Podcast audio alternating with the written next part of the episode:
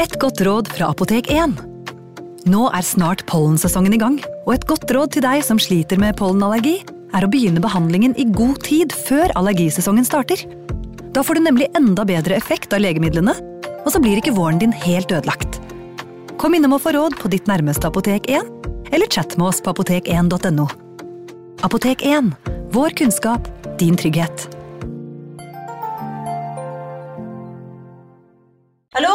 Jeg kommer fra Oslo politikammer. Ine Jansen er purk. Er du purk? The motherfucking bitch. Alt jeg vil, er å finne ut hva som skjedde med mannen min. Jon Carew. Er jeg sikta for noe? Iben Akeli. Det er du. Ole So, Lars Berrum og Big Daddy Karsten. Hvem sin side er du på, egentlig? Anette Hoff, Tone Danielsen, Kommer du fra Afrika? Jørnis Josef, Nesten kløfta. Trond Espen Seim, Det er synd å si det, men det var feil mann som døde. Purk. Premiere tirsdag på TV2 Play. Ungsamtalen fra DNB er økonomisk veiledning tilpasset deg som er ung. Bokk en ungsamtale på dnb.no. slash ung. Det er kjempebra hvis du skal inn på boligmarkedet! Hvis det er drømmen din, liksom. Det er det du skulle sagt. Og så kunne du ropt litt mer, da, sånn som jeg gjorde. Bam! Advarsel. Historiene vi forteller i denne podkasten kan være fiktive og avvike fra den opprinnelige historien av dramaturgiske årsaker. Meninger og påstander i historiene reflekterer nødvendigvis ikke programledernes meninger eller virkeligheten.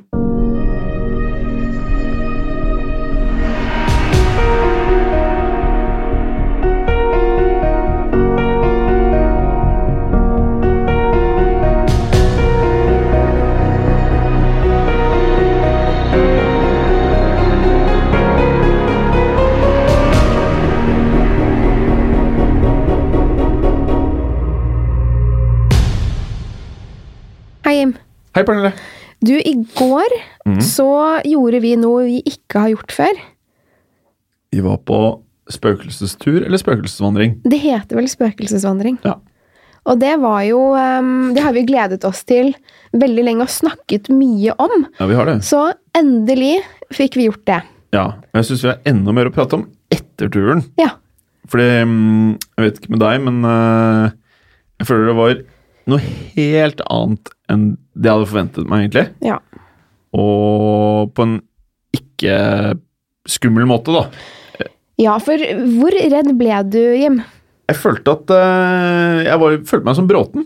Følte meg veldig uredd til enhver tid. Ja. Og det føltes mer som øh, noe som passet for øh, barn eller yngre. Mm, for det var jo faktisk barn med også, som Ja. lo og løp rundt og koste seg. Ja, og så fortalte de eh, spøkelseshistorier og ting. det. Så det var egentlig litt kult, at de kunne masse liksom, Hva heter tårnet hvor, hvor man kunne høre en fyr skrike? Knut Knutstårnet, kan det stemme? Ja, det var det kanskje. Noe sånt. For da var det en mann som hadde blitt murt inne i veggen, tror jeg det var. Ja. Ja, Og da når man var i det tårnet, så kunne man da angivelig eh, høre han skrike av redsel eller av forargelse. ja, og hørte du han skrike, Jim? Jeg hørte ikke han skrike. Jeg så ingen brennende kvinner. Nei. Som vi fikk opplyst om at uh, angivelig da en eller annen som hadde vært med på en tur en gang i tiden, hadde sett Jomfrutårnet, eller Jomfru, Stemmer. Jomfrutårnet. Um, så i det fulle og det hele så føler jeg vel at uh, det var mest en veldig kald tur. Mm, det, var, det var så kaldt. Jeg hadde på meg to ganske tykke gensere pluss jakke Ja. og skjerf og vanter og alt mulig. Ja. Men eh, det var så kaldt, så jeg klarte nesten ikke å konsentrere meg på slutten der. Men vi kan jo nevne at vi hadde med kjærestene våre. Ja.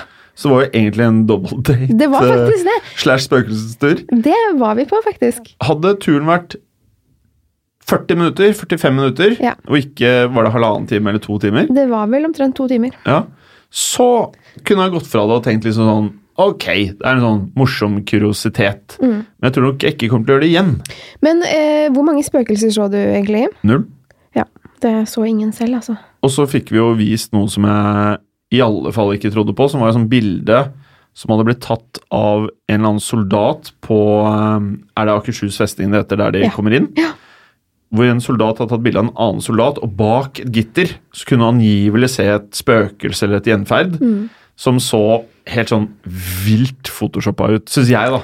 Det så ganske photoshoppet ut, men det vil på en måte ikke ødelegge heller for folk som skal ta spøkelsesvandring, for det var Turen var fin, eh, bortsett fra at det var veldig kaldt, men det er jo ikke spøkelsesvandringen sin feil. Eh, vi holdt jo på å fryse i hjel, men det gikk jo greit. Mm.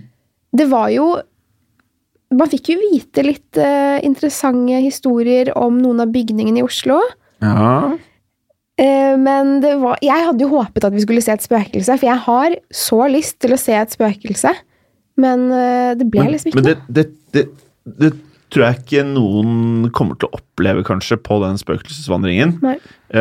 Men én ting da, Mm. som er verdt å nevne, som du opplevde i natt, Ja.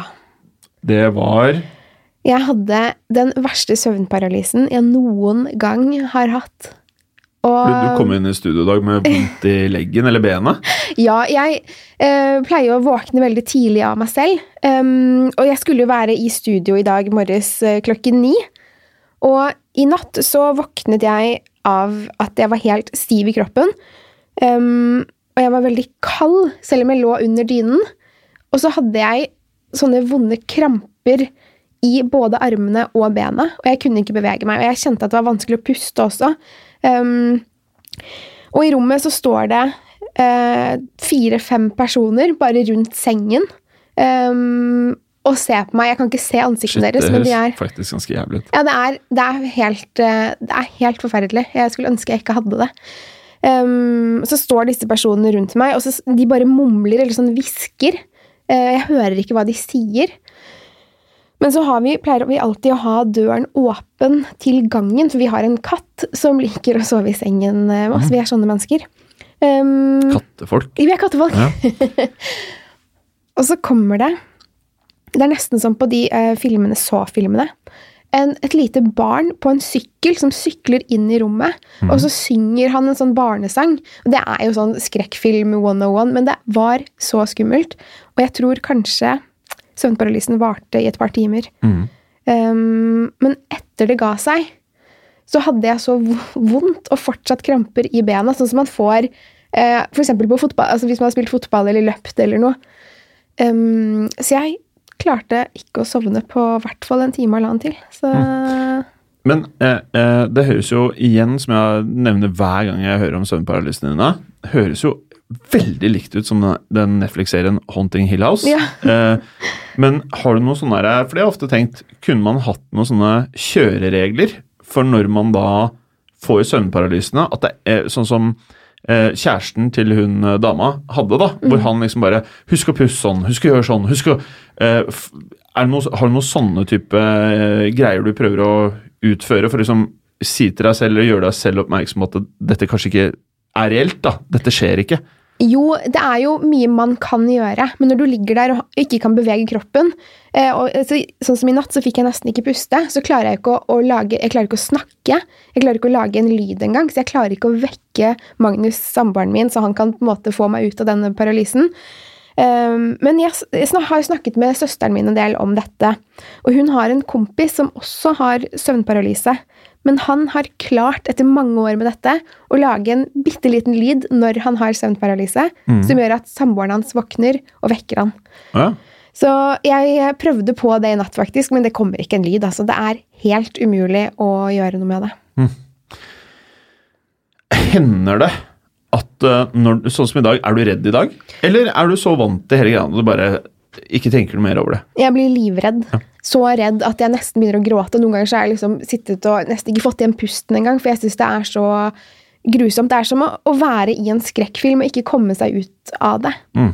Så det er, eh, det er Så det her er egentlig helt jævlig. Ja, det er det. Ja. det er det. Men jeg har det heldigvis ikke så ofte. Nå er det nesten en måned siden. Jeg tror jeg har det ca. en gang i måneden. Mm. Så det var vel på tide nå. Men eh, det som jeg tenkte litt på, var i går Prosit. Takk skal du ha.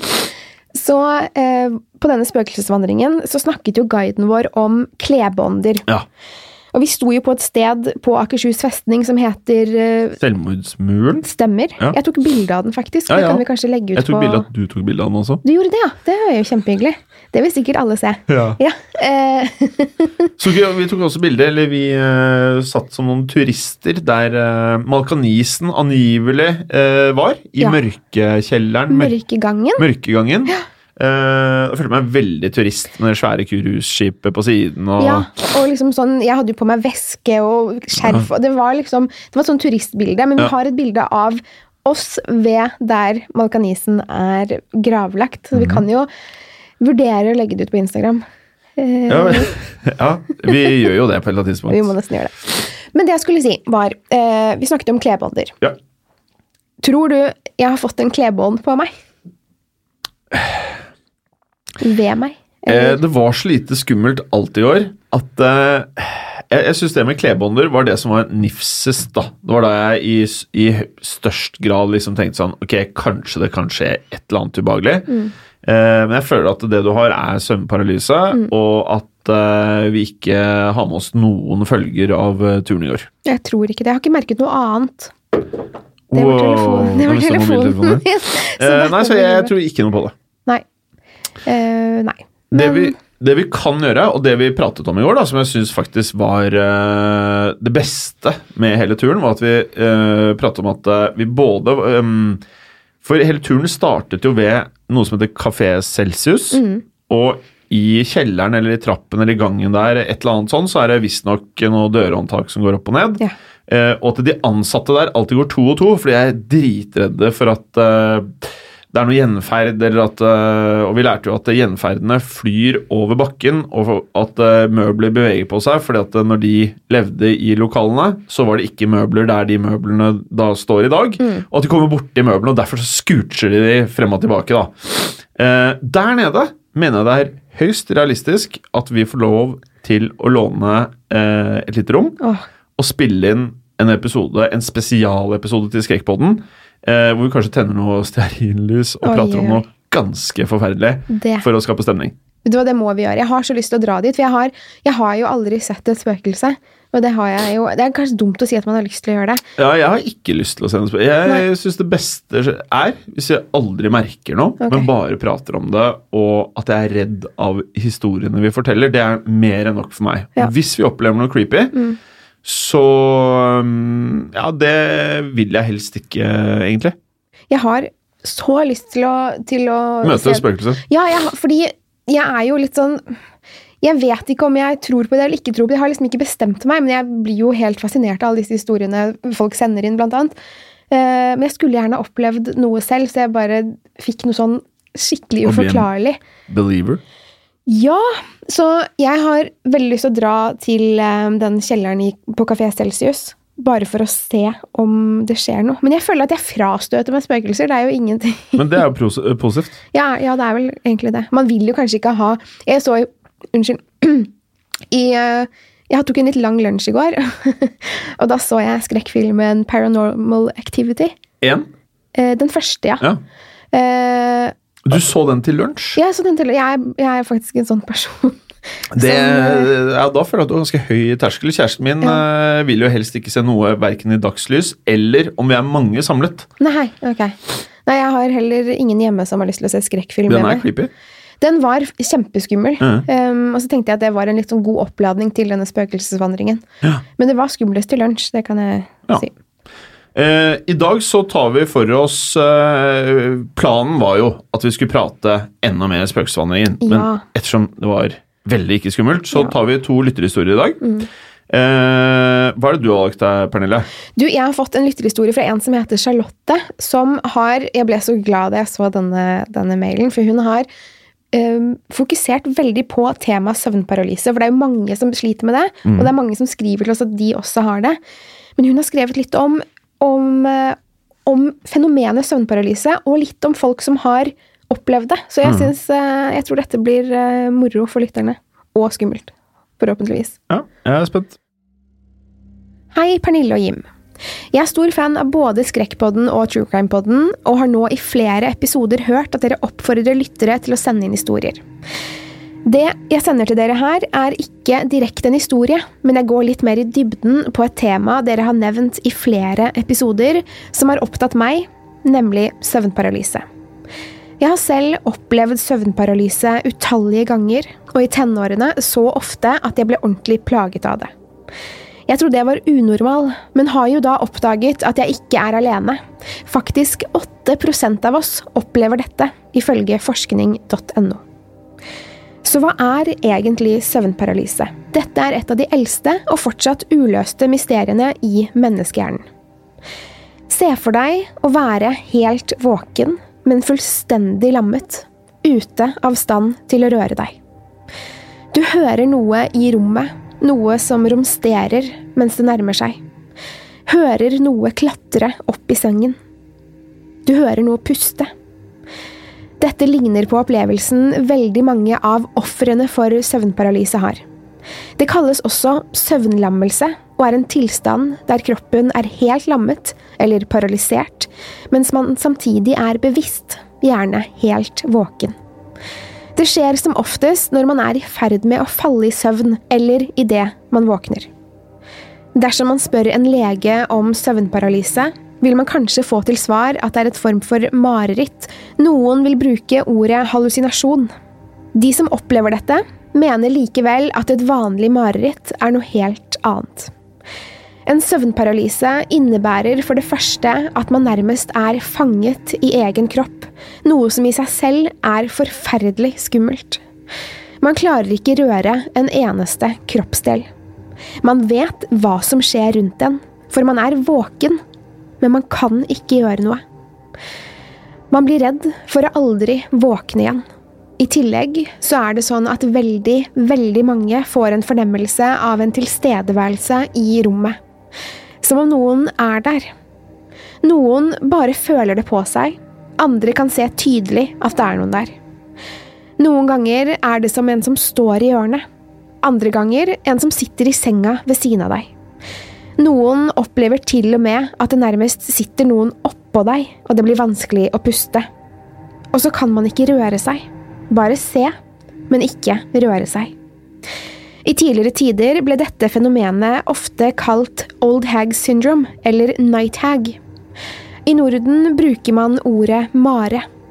Maren var en kvinnelig demon, et vesen som plaget sovende folk og dyr ved å sette seg eller trykke på brystet deres og sørge for at de fikk fryktelige mareritt. Maren holdt vanligvis til i trær og ventet på at folk skulle legge seg for å sove. Uttrykket mareritt stammer nettopp fra Maren. En prest ved navn Hammersheim levde på 1800-tallet. Han beskriver det slik. Når folk ligger og sover, kommer hun inn og legger seg ovenpå dem og trykker dem så hardt på brystet at de ikke kunne trekke pusten eller røre noe lem. Hun sørger da for å få sine fingre inn i menneskets munn og telle dets tenner, og lykkes dette for henne, dør man straks. Man må derfor sørge for å få henne bort fra seg. Er man da i stand til å utrope Jesus, da må hun fly. Man synes å være våken og se Maren når hun kommer inn og legger seg på folk, men man kan ikke gjøre noe for å forsvare seg imot henne. Et godt middel til å forhindre henne fra å komme opp i sengen skal være å sette sine sko om aftenen slik at hælene vender mot sengen. Da skal hun ha vanskeligheter med å komme opp i sengen.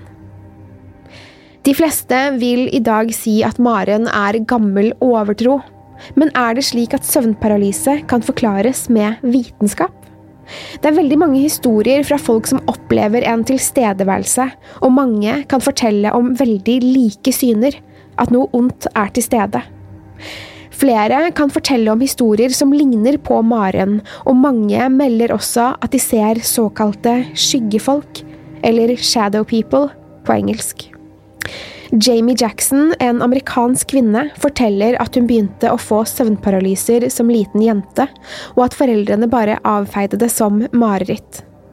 I starten så hun bare utydelige skikkelser, men jo eldre hun ble, jo tyngre og mer voldsomme ble opplevelsene. Hun forteller her. Jeg opplevde nye paralyser som ble mer og mer voldsomme. Så begynte jeg å se Skyggemannen. Han er veldig voldelig. aldri forsiktig. Skyggemannen ville ikke brydd seg om jeg ble kvalt i hjel. Han har selskap av en gammel kvinne. Hun er kort, drapert i lag på lag med klær og minner om en hjemløs. Hun har hatt, og hun sitter på brystet mitt. Hun er ikke kjempetung, men tung nok til at det er vanskelig å puste. Sammen kveler de meg så hardt at jeg tror det er slutten. Det er ingenting jeg kan gjøre. Det aller verste med dette er at man faktisk er våken. Jeg prøver å se etter en vei ut. Alt rundt meg tilsier at dette er virkelig. Jamie forteller at venner, familie og leger hele tiden sa at dette bare er et mareritt, en drøm. Men så oppdaget Jamie at hun ikke var alene om slike opplevelser. Mark Watkins fra England har også opplevd søvnparalyse mange ganger, og har til og med gjort lydopptak rett etter opplevelsene, slik at han tar opp sin egen reaksjon og berettelser om hva han har opplevd. En gang fortalte han. Jeg så en skikkelse i døråpningen som kom ut som en kvinne.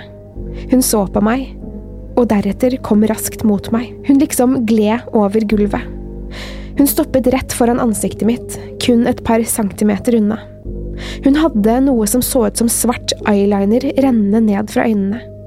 Jeg kjente en enorm frykt. Det var mørkt, og jeg kunne ikke røre meg, mens jeg hadde en inntrenger i senga mi. Mark syntes disse opplevelsene var forferdelig ubehagelige, men han ble også fascinert og bestemte seg for å fordype seg i dette temaet. Han tok doktorgrad innenfor psykologi og gjorde dette til sitt hovedtema. Gjennom sin research har han funnet dokumentasjon på lignende opplevelser fra hele verden, noen så gamle som 2000 år. Et medlem han møtte fra en amerikansk landsby i Zanzibar, forteller. Jeg er våken, men paralysert. Jeg følte noe var i rommet sammen med meg. En skygge. Skyggen kom gjennom veggen og beveget seg mot meg. Den var truende. Den kom bort til meg og prøvde å kvele meg. Jeg kunne ikke puste. Alle dører i huset mitt var låst. Jeg vet ikke hvordan den kom seg inn. Disse såkalte skyggefigurene dukker opp i mange, mange rapporter fra søvnparalyse. De kan dukke opp og forsvinne veldig raskt. De beveger seg på en glidende måte. Har røde øyne. Noen ganger står skyggene i hjørnene i rommet, og andre bare stirrer på deg hele natten. Andre ganger klatrer de opp i sengen din. Noen ganger en skikkelse, andre ganger flere. En av disse skyggemennene har hatt og har fått tilnavnet The Hatman, eller Hattemannen. Mange rapporterer om å ha sett han. Han framstår som en leder, den med mest makt. Det sies at han paralyserer ofrene fordi han livnærer seg på frykten deres. Ofrene føler seg ofte fullstendig tømt for krefter og energi når de endelig kommer ut av paralysen. Så spørsmålet er hvorfor forteller mange mennesker om de samme skikkelsene og opplevelsene dersom det kun er et utfall av ens egen fantasi, ens egne drømmer? Mange religioner, legender og trossamfunn beskriver skyggelignende, åndelige vesener som skygger av underverden, og som i mange år har kun blitt stemplet som spøkelseshistorier. Disse er mørke silhuetter med menneskelig form som raskt kan gå inn og ut av synsfeltet vårt. Kanskje er dette det samme som skyggefolket? Er skyggefolket fra underverden? Er det slik at man kun kan se de når man er i en søvnlignende tilstand? Det fortelles om at flere også har sett disse skyggene i normal tilstand. Har du noen gang opplevd at du liksom ser noe bevege seg i øyekroken? Hva var det, tenker du, og så snur du hodet, bare for å oppdage at det var ingenting. Da så du mest sannsynlig en skyggemann. Det fortelles at de holder seg i utkanten av synsfeltet hvis de besøker vår verden. Hilsen Charlotte. Vi må takke for eh, bidraget til Charlotte her. Ja, Det var helt fantastisk og godt uh, researchet, hvis det er et norsk ord. Ja. Um, jeg ble veldig imponert da jeg leste dette første gangen, og jeg kjente meg så godt igjen i mye av det hun skrev. Så det var, eh, det var nesten skummelt. Føler du at dette her er materiale som kunne kanskje fått Kallebråten til å få en liten frysning nedover ryggen? Eller? Ja, det tror jeg. Men jeg tror også at hvis Håkon Bråten hadde opplevd en søvnparalyse, så tror jeg han hadde blitt livredd. Ja, altså Nå er han jo ikke i studio med oss, Nei. og det her kan skje, spesielt ettersom han er såpass sær på det her og ikke beklager til eh, Robert the Doll. Ja. Så eh, kanskje får han oppleve det. Jeg håper ikke han får oppleve det. Jeg Nei. håper selv at jeg ikke får noen søvnparalyse. Eh, men eh, veldig bra, Charlotte. Ja, tusen hjertelig takk. Charlotte. Ja. Mm. Eh, skal jeg gå over på min, så skal jeg ikke si så veldig mye om hva den handler om, annet enn at eh, Ja, det er en lytterhistorie, så kan vi ta det derfra. ja, jeg gleder meg. Hei! Forstår at søvnparalyser er i vinden. Og helt ærlig er det befriende å tenke på at man ikke er alene om å oppleve disse skremmende episodene. Jeg har helt siden jeg var liten drømt voldsomt og hatt flere søvnparalyser. Men det er spesielt et par episoder jeg aldri kommer til å glemme, og ønsker nå å dele disse med dere.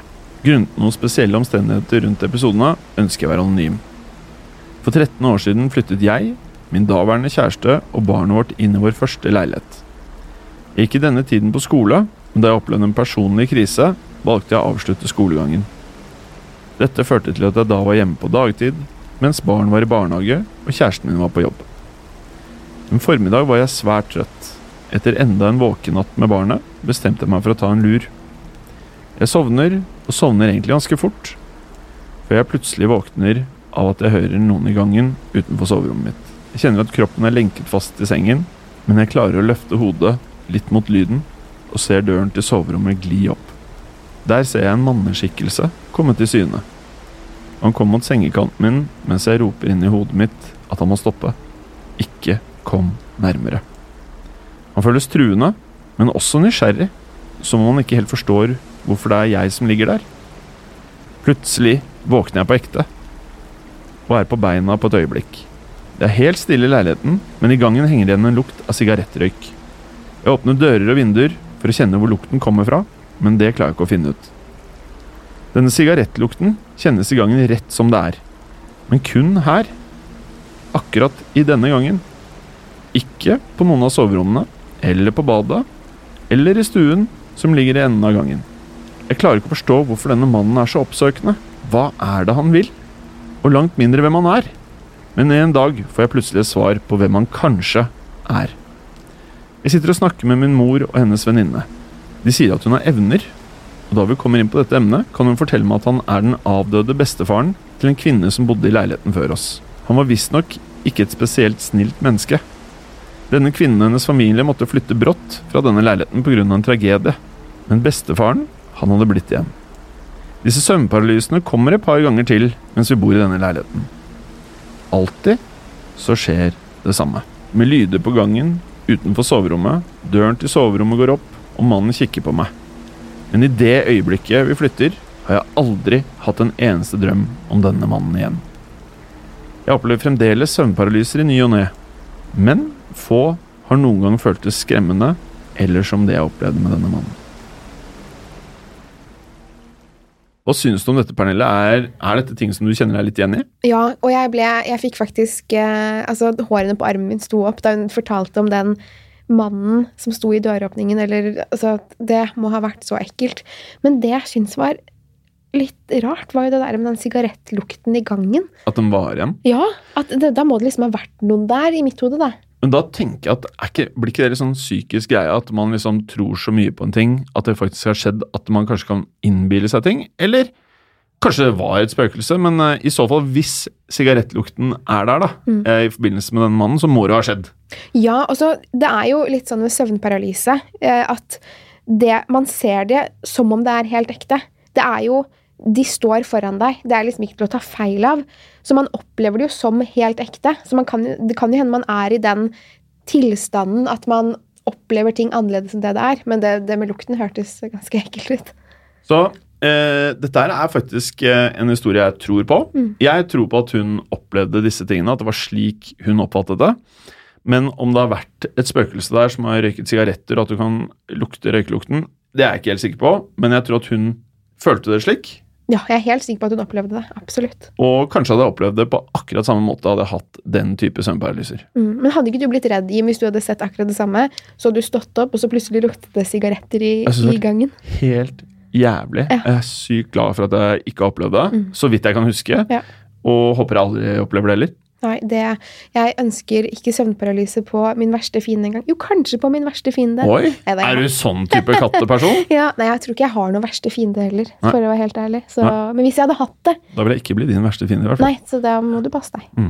Men eh, eh, min fascinasjon for skrekk og skumle historier er jo den følelsen jeg får av å bli skremt. Mm. Men jeg ønsker ikke å oppleve det selv. Nei. Og der gjør jeg et lite skille, for min del iallfall. Ja, jeg, har jo, jeg sa jo høyt og tydelig i sted at jeg ønsket å oppleve det. Jeg angrer kanskje litt på det nå, og sikkert i kveld når jeg skal legge meg. Få se da på Celsius der. Ja. Eh, skal vi sende dem en mail, da? Høre om vi kan spille den der. Det hadde vært moro.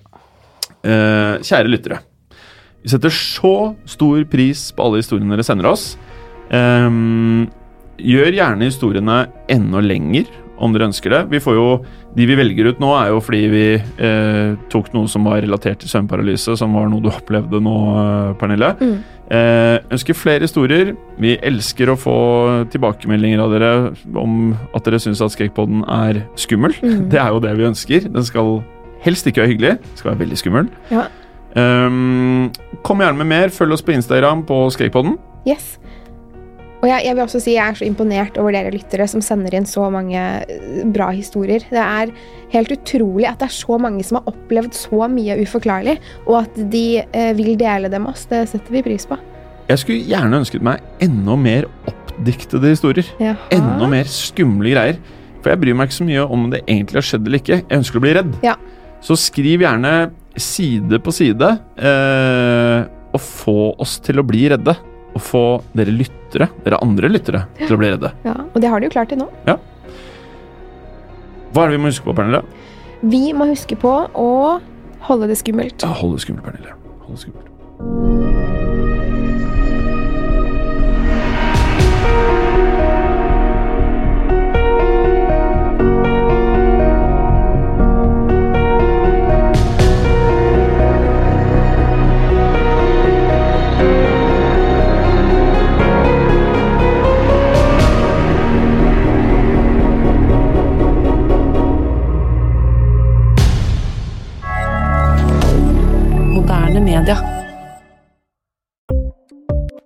Ukens annonsør er Folio, en smartere banktjeneste for deg som har en egen bedrift eller ønsker å starte for deg selv. Folio er en superenkel nettbank for bedrifter. Som kunde i Folio får du en bedriftskonto med et bedriftskort og app. I denne appen er det smarte løsninger som forenkler regnskapet ditt, uansett om du har en liten bedrift eller et enkeltpersonsforetak. Folio er både intuitivt og brukervennlig, og er laget med et enkelt språk. I tillegg tilbyr de forutsigbare priser og ingen skjulte gebyrer.